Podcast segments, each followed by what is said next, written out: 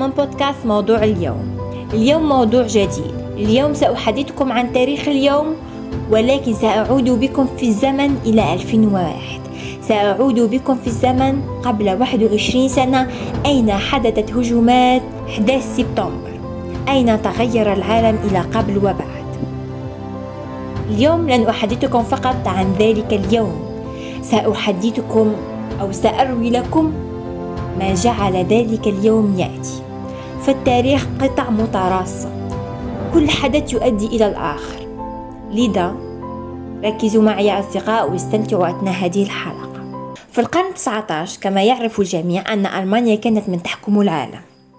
لكن في ذلك الوقت ظهرت الولايات المتحدة الأمريكية كقوة جديدة. أرادت أن تحكم العالم أيضا بجانب ألمانيا. وكأي دولة في العالم تريد السيطرة عليه تريد أن تزيد من مستعمراتها وبتلك تزيد قوتها والولايات المتحدة الأمريكية اختارت آنذاك كوبا ولكن كوبا كانت في الأساس محتلة من قبل الإسبان إذا كان على الولايات المتحدة الأمريكية الدخول في حرب مع إسبانيا كانت تستطيع أخذ كوبا لها وتصبح أحد مستعمراتها في رأيكم ماذا فعلت الولايات المتحدة الأمريكية؟ ماذا وجدت سبب لتجعل هناك مشكلة مع إسبانيا؟ فجرت الولايات المتحدة الأمريكية سفينتها على شواطئ كوبا واتهمت الإسبان بذلك وأعلنت بعدها الحرب عليها سنة 1898 وانتصرت في الأخير الولايات المتحدة الأمريكية وسيطرت على كوبا. وأصبحت الولايات المتحدة الأمريكية تعرف كأقوى الدول الاستعمارية في العالم. المهم تمر السنوات وتمر الحرب العالمية الأولى والثانية التي انتهت سنة 1945 بسقوط هتلر وسقوط ألمانيا. وأصبح يحكم العالم قوتان جديدتان وهما الولايات المتحدة الأمريكية الرأسمالية والاتحاد السوفيتي الشيوعي. وكل دولة منهما تريد إسقاط الأخرى وحكم العالم لوحدها. وبالفعل استخدمت كل من الدولتين كل الوسائل والطرق لإسقاط الدولة الأخرى ما عدا المواجهة المباشرة وعرفت هذه الفترة بالحرب الباردة.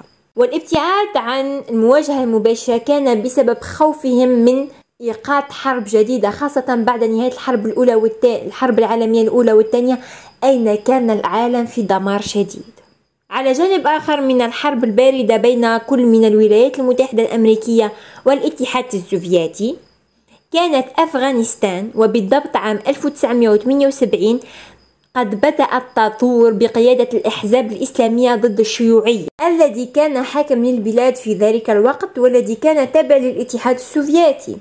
فقرر بذلك الاتحاد السوفيتي دعم نظامه الموجود في أفغانستان الأمر الذي جعله يواجه الأحزاب الإسلامية. وبالطبع الولايات المتحدة الأمريكية لن تقف ساكنة أمام فرصة كهذه حيث قررت دعم الأحزاب الإسلامية ضد الاتحاد السوفيتي. فذهبت الولايات المتحدة الأمريكية يا أصدقاء للحكومات العربية. وطلبت منهم إرسال شبابهم لدعم الإسلام في أفغانستان ودعم الشباب المسلمة هناك. وبطبيعة الحال بدأت الحكومات العربية بتشجيع شبابها للمشاركة في الحرب الأفغانية ودعم إخوانهم المسلمين. ووصل عدد المسلمين الذين سافروا إلى أفغانستان آنذاك حوالي 36 ألف مسلم من كل أنحاء العالم. دعمت الولايات المتحدة الأمريكية العرب والأفغان بملايين من الدولارات وأحدث الأسلحة. كما جعلت جهاز مخابراتها CIA يعمل معهم ضد الاتحاد السوفيتي حتى يعطيهم أهم الأخبار التي يحتاجونها حول السوفيات ووصل دعم الولايات المتحدة الأمريكية إلى إطلاق اسم المجاهدين على كل من شباب العرب والأفغان. كما قامت بلقاءات كثيرة بينهم في البيت الأبيض وعرفت أفغانستان آنذاك بمقبرة السوفيات بسبب الخسائر البشرية الكبيرة للاتحاد السوفيتي في أفغانستان آنذاك. وكان من شباب العرب الذين سافروا إلى أفغانستان السعودي أسامة بن لادن الفلسطيني عبد الله ومصريين أمثال أبو عبيدة البنشيري ممدوح محمد السالم السيد إمام سعيد المصري وأيمن الظواهري. وهؤلاء هم مؤسسو تنظيم القاعدة حيث ظهرت فيما بعد خلافات بين المجاهدين العرب والمجاهدين الأفغان. فقرر أبو عبيدة البنشيري تأسيس معسكر خاص بالمجاهدين العرب سنة 1988 وأطلقوا عليه اسم تنظيم القاعدة أين سيشنون هجومات على السوفيات وكان رئيسهم آنذاك أسامة بن لادن. عام 1989 قرر الاتحاد السوفيتي الانسحاب من أفغانستان بعدما خسر خسائر مادية وبشرية كبيرة. وهذه كانت من أهم أسباب سقوط الاتحاد السوفيتي فيما بعد عام 1991 وفي هذه الفترة وبالضبط في 23 أوت 1990 في الضفة الأخرى من العالم قرر صدام حسين رئيس العراق الدخول على الكويت واعتبارها المحافظة رقم 15 للعراق. الأمر الذي أزعج دول الخليج وخاصة السعودية. ورأوا أن وجود صدام حسين في الكويت يهدد أمنها الخاص خاصة أن صدام حسين كان يمتلك في ذلك الوقت رابح أقوى جيش في العالم. وفوق هذا كان هذا الجيش في حدود دول الخليج. وتم بسبب هذا إقامة قمة عربية انتهت بقرار الموافقة بتدخل القوات الأجنبية بقيادة الولايات المتحدة الأمريكية في مسألة الكويت. وذلك لإخراج صدام حسين من الكويت. وبالفعل نجحت آه، القوات الأجنبية بقيادة الولايات المتحدة الأمريكية بإخراج صدام حسين من الكويت. وتم فرض حصار على العراق بعدها والذي كان السبب في تدمير جيش العراق آنذاك. وبطبيعة الحال استغلت الولايات المتحدة الأمريكية هذه الفرصة وبنت قواعد عسكرية في دول الخليج. من السعودية قطر العراق الكويت بنت آه، قواعد عسكرية في كل الدول. بحجة حمايتهم وحماية مصالحهم. أعلم يا صديقي أنك تتساءل الآن ما دخل كل هذا بأحداث 11 سبتمبر؟ انظر كما قلت في بداية الموضوع أن التاريخ عبارة عن أجزاء متسلسلة وكل حدث يؤدي إلى حدث آخر. وبالفعل بسبب القواعد العسكرية انزعج أسامة بن لادن رئيس منظمة القاعدة من الولايات المتحدة الأمريكية وانزعج من تطفل الولايات المتحدة الأمريكية على أمور العرب. ومن هنا بدأ التوتر بين تنظيم القاعدة والولايات المتحدة الأمريكية. والأسباب التي صرح بها أسامة عن سبب هذا التوتر أنه آه، أن تنظيم القاعدة يرفض إقامة الولايات المتحدة الأمريكية لقواعد عسكرية في دول الخليج أنه يرفض آه، حصار الولايات المتحدة الأمريكية على العراق كما يرفض دعم الولايات المتحدة الأمريكية للاحتلال الإسرائيلي في فلسطين. بين قوسين أعلم أن هناك الكثير من الأخبار التي يقولون أن أسامة بن لادن قد خان تنظيم القاعدة وأشياء كهذه إلا أنه لا شيء أكيد. وأصبح يعرف آنذاك أن القاعدة هي أكبر عدو للولايات المتحدة الأمريكية والعكس صحيح. وأصبحت الولايات تطلق على شباب على الشباب العربية اسم الإرهابيين بدلا من المجاهدين خاصة بعد إعلان أسامة بن لادن تأسيس الجبهة الإسلامية لجهاد اليهود والصليبيين والذي أصدر فتوى تحلل قتل الأمريكيين سواء الجنود أو المدنيين. انظر. الكثير من المصادر أكدت أن الولايات المتحدة الأمريكية كانت تبحث عن طريقة آه، كي تستفيد من هذه العداوة والتوتر بينها وبين تنظيم القاعدة. وهناك الكثير من مصادر تؤكد أنها هي من سمحت القاعدة بالقيام بعمليات ضد مصالحها سواء كانت داخل التراب الوطني أو خارجه وذلك لسبب آه، وذلك لإقناع المدنيين الأمريكيين بضرورة زيادة ميزانية الجيش الأمريكي وكي يكون لها سبب لدخول أرض أي دولة تريدها بحجة أنها تمثل تهديد لأمن, لأمن قومها. فتسيطر بهذا عليها وعلى ثرواتها ومواردها. وفي هذه الفترة بالضبط تظهر منظمة أمريكية تدعى منظمة القرن الجديد والتي قامت بإعداد تقرير يفيد وجوب القيام بعمليات ضد الولايات المتحدة الأمريكية. ويجب أن تكون هذه العمليات كبيرة. وهذا ما شرحته لكم سابقا. وهذا بالضبط ما حدث في هجومات 11 سبتمبر. يعني كأن تنظيم القاعدة أمره الولايات المتحدة الأمريكية بفعل هذا يعني كل شيء جرى كما خطط خططت له الولايات المتحدة الأمريكية. فيا أصدقاء لأول مرة بعد أحداث اليابان يحدث هجوم ضد الولايات داخل ترابها ونعرف جيدا رد الولايات المتحدة الأمريكية على اليابان آنذاك أين فجرت قنبلة هيروشيما. لنعود إلى موضوعنا. في عام 1993 ذهب إثنان من أعضاء القاعدة وهما خالد شيخ محمد وهما خالد شيخ محمد ورمزي بن الشيبة. وقاموا بتفجير طيارة مفخخة في نيويورك عند برج التجارة العالمي أين قتل ست مدنيين وانصاب 1042 شخص. وفي عام 1998 تم تفجير القاعدة العسكرية الأمريكية في كل من كينيا وتنزانيا في ذكرى دخول الولايات المتحدة الأمريكية للسعودية. بالفعل اتهمت الولايات المتحدة الأمريكية القاعدة بهذه العمليات.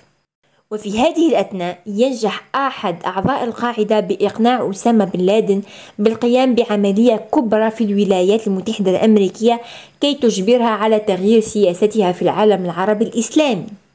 وبدأ بعدها كل من خالد شيخ ورمزي بن الشيبة بالتخطيط لهذه العملية. واستطاع رمزي بن الشيبة أن يجند ثلاث شباب عربية في ألمانيا وبالضبط في هامبورغ. وهم محمد عطا مروان الشحي وزياد حراج. والذين شكلوا فيما بعد ما يسمى بخلية هامبورغ. واتفقوا في البداية بتفجير مفاعلات نووية داخل التراب الأمريكي.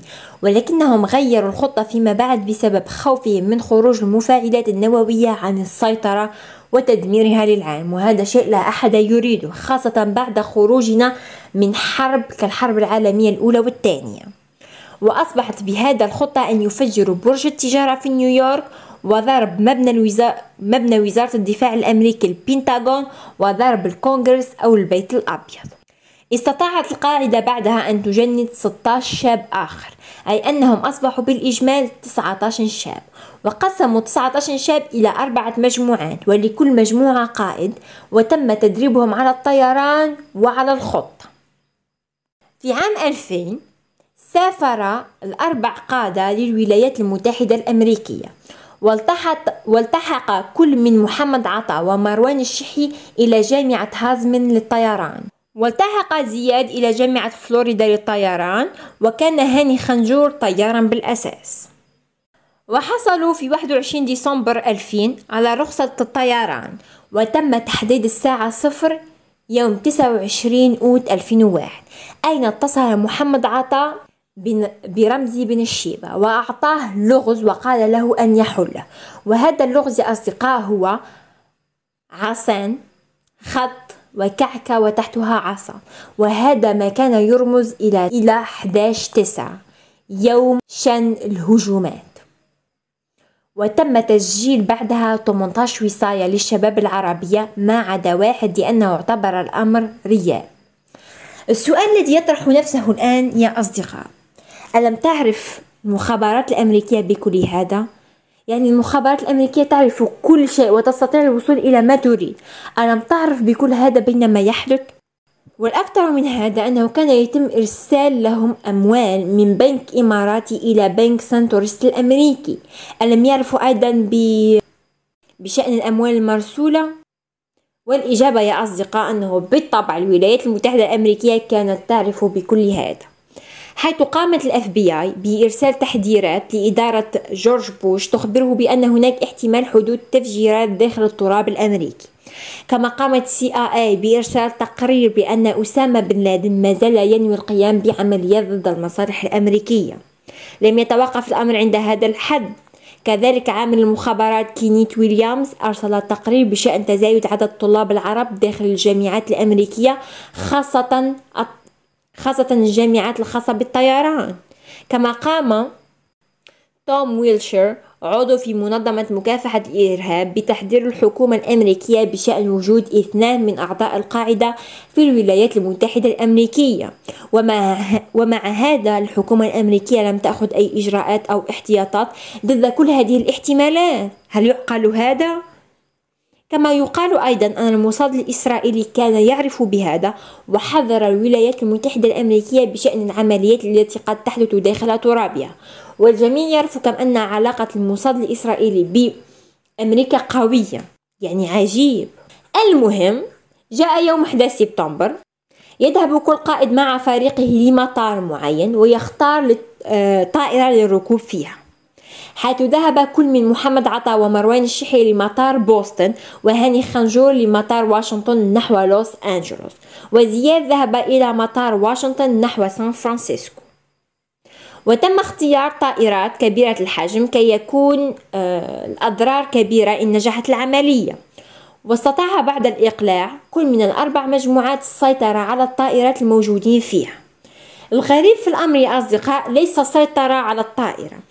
الأمر الغريب هو أن ماركس بوسطن المسؤول على مراقبة الطائرات استلم رسالة بشأن فقدان أحد الطائرات إلا أنه لم يرسل طلب النجدة لنيويورك إلا بعد 13 دقيقة.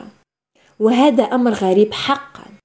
وفي هذه الأثناء كان الرئيس الأمريكي في فلوريدا يزور مدرسة ابتدائية أين تم إخباره بما حدث. لنرى كيف جرت أحداث 11 سبتمبر. تابعوا معي. على الساعة الثامنة وستة وأربعون دقيقة محمد عطا يدخل بالطائرة في برج التجارة الشمالي بين الطابق 93 و 94 الساعة التاسعة وثلاث دقائق مروان الشحي يدخل في برج التجارة الجنوبي. الساعة تسعة وسبعة وثلاثين دقيقة هاني خنجور يحطم البنتاغون وزارة الدفاع الأمريكي. الساعة العاشرة وثلاث دقائق تحطم الطائرة الرابعة بسبب محاولة الركاب استرجاع الطائرة من زياد. مما أدى إلى سقوطها في بنسلفانيا والتي كان من المفترض أن تضرب الكوندرز على كل حال نتائج هذه الحركات على الساعة تسعة وتسعة وخمسين دقيقة إنهار البرج الجنوبي. الساعة العاشرة وثمانية وعشرين دقيقة إنهار البرج الشمالي. الساعة العاشرة وخمسين دقيقة إنهار خمس دوابق من البنتاغون. الغريب في الأمر أنه على الساعة الخامسة وعشرين دقيقة مساء تحطم برج التجارة رقم سبعة رغم عدم استهدافه رغم أنه لا يوجد طائرة قد اصطدمت به. الأمر الذي زرع الشك في كل أنحاء العالم. حيث أن آه، في بيان أصدرته الولايات المتحدة الأمريكية بعد نهاية كل أحداث 11 سبتمبر لفت فيه وجود برج ثالث قد تحطم. حتى عام 2003 أين أصدرت الولايات المتحدة الأمريكية تقريرا أنه تحطم بسبب سقوط حطام البرجين الشمالي والجنوبي عليه الأمر الذي لم يصدقه أحد حيث أن برج التجارة الأمريكي هما أبراج مشهورين جدا أنه المعمار الخاص بهم سميك جدا يعني حطام برج لن يؤثر به لذا هناك إشاعات كثيرة حول وجود متفجرات بطريقة الهدم المحكم استعملتها الولايات المتحدة الأمريكية داخل البرج رقم سبعة لزيادة الخسائر. كما قلت لكم سابقا يا أصدقاء أنه في هذه الأثناء كان الرئيس الأمريكي في فلوريدا في مدرسة عندما تم إخبار الرئيس الأمريكي بالتفجيرات التي حصلت أخبرهم أن يعودوا به مباشرة إلى البيت الأبيض لكنهم رفضوا طلبه كون وجود كون أن هناك طائرات قد تمت سرقتها ولا يعرفون أيهم وكم عددهم وقد يكون هذا خطر على حياته وقد يكون البيت الأبيض مستهدفا من الأساس. وملاحظة يجب عليكم معرفتها أنه في حالة الطوارئ صاحب القرار حول اتجاه الرئيس يكون الحرس الرئاسي مسؤول عن حياته. وفي هذه الأثناء بعد ضرب أول طائرة. أي بعد دخول محمد عطا الطائرة في برج التجارة الشمالي. كان يجب على حكومة الولايات المتحدة الأمريكية أن تقوم بقرار. وكان لديهم حلين فقط أي أن كان لديهم احتمالين وفقط. إما عليهم أن يطلقوا النار على كل الطائرات المشكوك فيها. وهذا أمر خطير جدا سيجعلهم يضحون بملايين المدنيين. وإما أن يطلبوا من كل الطائرات الهبوط في أقرب مطار لهم ومن لا تنزل من السماء تكون الطائرة المسروقة. ولكن هذا سيكون خطر أيضا. 4000 طائرة في السماء ستنزل مرة واحدة في أقرب مطار سيكون لهذا عواقب وخيمة جدا. في هذه الأثناء تم إخراج الرئيس الأمريكي من المدرسة التي كان يوجد فيها ولكن لا يوجد لديه مكان يذهب إليه. يعني تخيلوا رئيس ليس لديه مكان يذهب إليه. كونه لا يوجد أي مكان آمن. المكان الآمن الوحيد الذي وجده حراسه هو السماء. وبينما كان الرئيس الأمريكي في طائرة في السماء كونها المكان الآمن الواحد كما قلت لكم سابقا عرف في البيت الأبيض أن هناك طائرة متجهة إليه. نعم إنها الطائرة الرابعة تم الاتصال بالرئيس الأمريكي كي يقرر إن كانوا سيسقطونها أم لا. قرر الرئيس إسقاطها وتم بالفعل استهدافها لكن بعد سقوطها لم يكونوا متأكدين إن كان هم إن كانوا هم السبب في السقوط أم لا. حتى بعد فترة من الوقت أين عرف أنه كان بسبب محاولة الركاب استرجاع الطائرة. ويجب أن أقول لكم أنه لحد الآن لم يكونوا يعلمون من سبب الضربات. حيث جرى حديث بين الرئيس ونائبه وعندما سأله عن من وراء هذه الضربات قال له أعداؤنا هم إيران والعراق ولا يوجد ربح يعود لهم بمهاجمتنا ولكن تنظيم القاعدة سيستفيد الكثير بهذا. كذلك هناك معلومة مهمة نسيت أن أقولها لكم. كل صباح يستلم رئيس الدولة تقرير من ال FBI حول وضع الدولة. وفي وفي التقرير الذي استلمه آه، رئيس بوش صباح يوم 11 سبتمبر لم يكن يذكر أي احتمال لهجومات لكن التقرير الذي قدم لرئيس المخابرات كان. كان يوجد فيه ذكر للهجومات أي أن التقرير الذي قدم للرئيس تم تغييره. كما أن رئيس المخابرات خلال التفجيرات 11 سبتمبر لم يتم الوصول إليه طوال اليوم. حتى بعد فترة طويلة جدا أين توقفت جميع الانفجارات؟ تم الوصول إليه, إليه وأخبرهم أن القاعدة خلف كل هذه الهجومات. مع كل هذا استمر رئيس المخابرات بالعمل حتى 2004 أين انتهى عمله بعدها ويجب أن نخبركم بشيء أيضا يا أصدقاء. إن كنتم ما زلتم تشكون في أن الولايات المتحدة الأمريكية لم تكن تعرف بسبب هذه الهجومات أنه وزير الداخلية المصري السابق اعترف أثناء محاكمته على الهواء أنه بلغ المخابرات الأمريكية قبل شهور من التفجيرات أن أعضاء القاعدة يجهزون لعمل إرهابي في الولايات وأخبرهم قبلها بأيام أن العملية دخلت حيز التنفيذ. إذا الولايات المتحدة الأمريكية لم تتحرك حتى مع علمها بكل ما يتم التخطيط له. كذلك شيء جذب اهتمامي أنه لم نرى تغطية إعلامية كبيرة لهذا الاعتراف مع أنه اعتراف صادم. يعني هناك الكثير من الموتى كانت هناك خسائر بشرية كبيرة في ذلك الوقت. يعني مع هذا لم نرى أي تغطية إعلامية لهذا الاعتراف. وفي ذلك الوقت بالضبط كان هناك تغطية إعلامية للحدث بشكل مهول هو أكثر مصطلح تم استعماله هو مصطلح الإسلاموفوبيا تم تكريه كل العالم بالإسلام وقتها حيث تم اتهامنا بأننا نحن من كنا خلف ذلك التفجيرات. قدر عدد الموتى يا أصدقاء ب 2977 شخص بالإضافة إلى 19 شخص الذين قاموا بالعملية وحوالي 25 ألف مصاب. بعدما عاد الرئيس الأمريكي للبيت الأبيض جهز له خطاب. تخيلوا أن تجهيز خطاب رئاسي يتطلب على الأقل ثلاث أيام تجهيز. لكن بسبب ما حل من خوف الولايات المتحدة الأمريكية تم تجهيز الخطاب في ساعة واحدة. وأهم ما جاء في الخطاب أن أي دولة تخبئ الفاعلين أو تقف في صفهم تعتبر إرهابية عدوة للولايات المتحدة الأمريكية. كما قال بوش في خطابه أنه مع الهجوم الأول ظننا أنه حادث مع الهجوم الثاني تأكدنا أنه عمل إرهاب ومع الهجوم الثالث أدركنا أنها الحرب. أمريكا تتعرض للقذف. وقال أن القاعدة من تقف خلف هذا العمل إلا أن أسامة نفى هذا بعدها. لتتسرب بعدها أشرطة يشرح فيها أسامة طريقة سير الخطة طلب بعدها بوش من الملأ عمر رئيس حركة طالبان التي كانت تحكم أفغانستان آنذاك تسليم أسامة بن لادن لهم. وطلب من ريتشارد كلارك المسؤول عن الأمن ومحاربة الإرهاب في الولايات المتحدة الأمريكية إيجاد علاقة بين ما حدث من هجومات 11 سبتمبر وصدام حسين. فأخبره ريتشارد أن العملية لا علاقة لها بصدام حسين وأن القاعدة تقف خلف كل ما فعل إلا أنه طلب منه مرة أخرى إيجاد علاقة بينهم وهذا كي يضرب عصفورين بحجر واحد فيحصل بهذا على حديد ونحاس أفغانستان وبترول العراق. وخاصة بعد رفض الملا عمر تسليم أسامة بن لادن وطلب منهم أدلة تثبت إدانته وبهذا تم الإعلان الحرب على أفغانستان عام 2001 وبعدها على العراق وصدام حسين عام 2003 بحجة امتلاك صدام حسين لأسلحة الدمار الشامل وأنه يمثل تهديد لأمن الولايات المتحدة الأمريكية وأنه يدعم, وأنه يدعم القاعدة. وتم إعدام صدام حسين عام 2006 أتذكر أنه كان العيد الأضحى.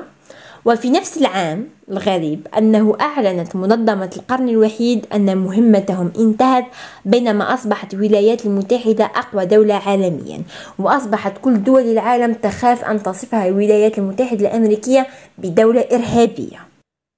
وهنا تنتهي قصة هجومات 11 سبتمبر. إلا أنني أريد أن أرى هذا الحدث من جانب آخر. في 3 سبتمبر 2002 على شبكة CNN طرح مقدم برنامج Larry King Live على كبير مذيعي شبكة CNN السؤال التالي يا أصدقاء هل كنا نبالغ في تغطيات أخبار 11 سبتمبر وتداعياته؟ هل تعرفون ماذا كانت إجابته؟ قال له نعم ربما كنا نبالغ. نحن نحاول أن نفعل الشيء الصحيح لكننا لسنا ملائكة. أنا أحب الملائكة لكنني لست ملاكا. ثم هناك بعد تجاري في عالم الأخبار جانب التسويق الذي لا يمكن تجاهله.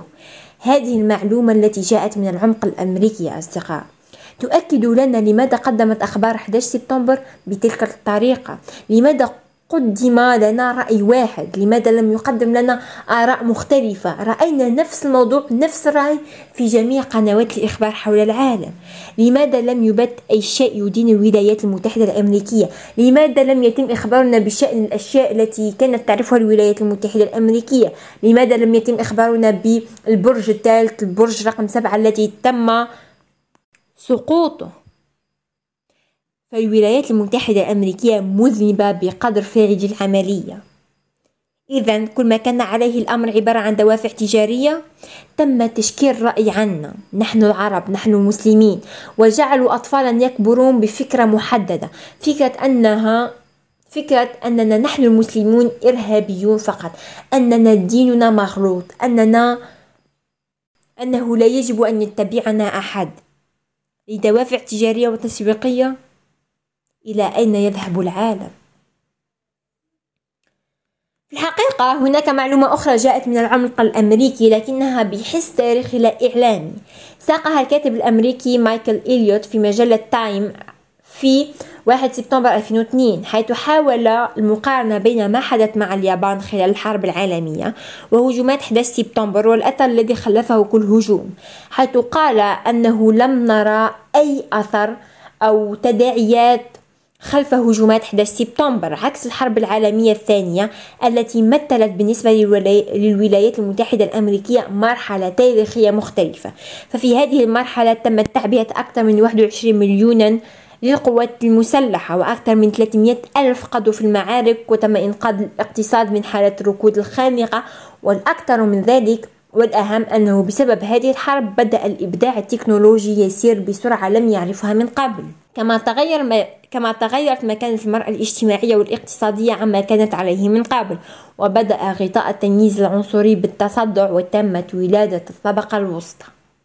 مشيرا أنه يمكن أنهم توقعوا النتيجة ذاتها من خلال هجومات 11 سبتمبر. يمكن أنهم توقعوا إن دعموا هجوم داخل الولايات المتحدة الأمريكية قد ينعصف بهم التاريخ أن يكون هناك تغيير كبير في مجرى التاريخ. لكن لم يتغير حال الولايات المتحدة الأمريكية كثيرا عما قبل الهجومات. لا أقوم يا أصدقاء بالتقرير من قيمة الخسائر سواء كانت البشرية أو المادية خاصة أن سوق الأسهم في نيويورك قد انهار تماما. كما أن الحالة الاقتصادية في آه، آه، الولايات المتحدة الأمريكية قد وصلت للحضيض. لكنها في الأخير لم تؤثر كثيرا بالطبيعة الغربية ما عدا في الإيديولوجيا الخاصة بهم التي اختصرها الرئيس بوش في حواره إما معنا أو مع الإرهاب. مع هذا هذا ليس بجديد بالنسبة للسياسة الأمريكية لكن التغيير الحقيقي كان قد حدث للعرب والدول الإسلامية وعلاقتهم بالغرب. كما يقول المؤرخ الأمريكي الشهير آرثر أن الحرب على العراق من خلال هجمات سبتمبر تمثل يوما تاريخيا خاصة من خلال تزعزع استقرار الدول العربية والتي سمحت لإسرائيل بمنع قيام دولة فلسطينية وبالتالي توحد الدول الإسلامية ضدنا وبهذا تقوم حرب الحضارات. وهذه رؤية صحيحة وافتراضاته أيضا صحيحة بأخذ الاعتبار أنه قالها في 2002 فكما قلت سابقا كل الأطار التي ترتبت عن الهجومات كانت مؤقتة كانهيار سوق الأسهم أو الاقتصاد الأمريكي وقد يحدث هذا في أي وقت. لكن سببها في ذلك الوقت هو ادخار الفرد الأمريكي نتيجة الخوف الذي عاشه تلك الفترة والخوف من حدوث ذلك مجددا.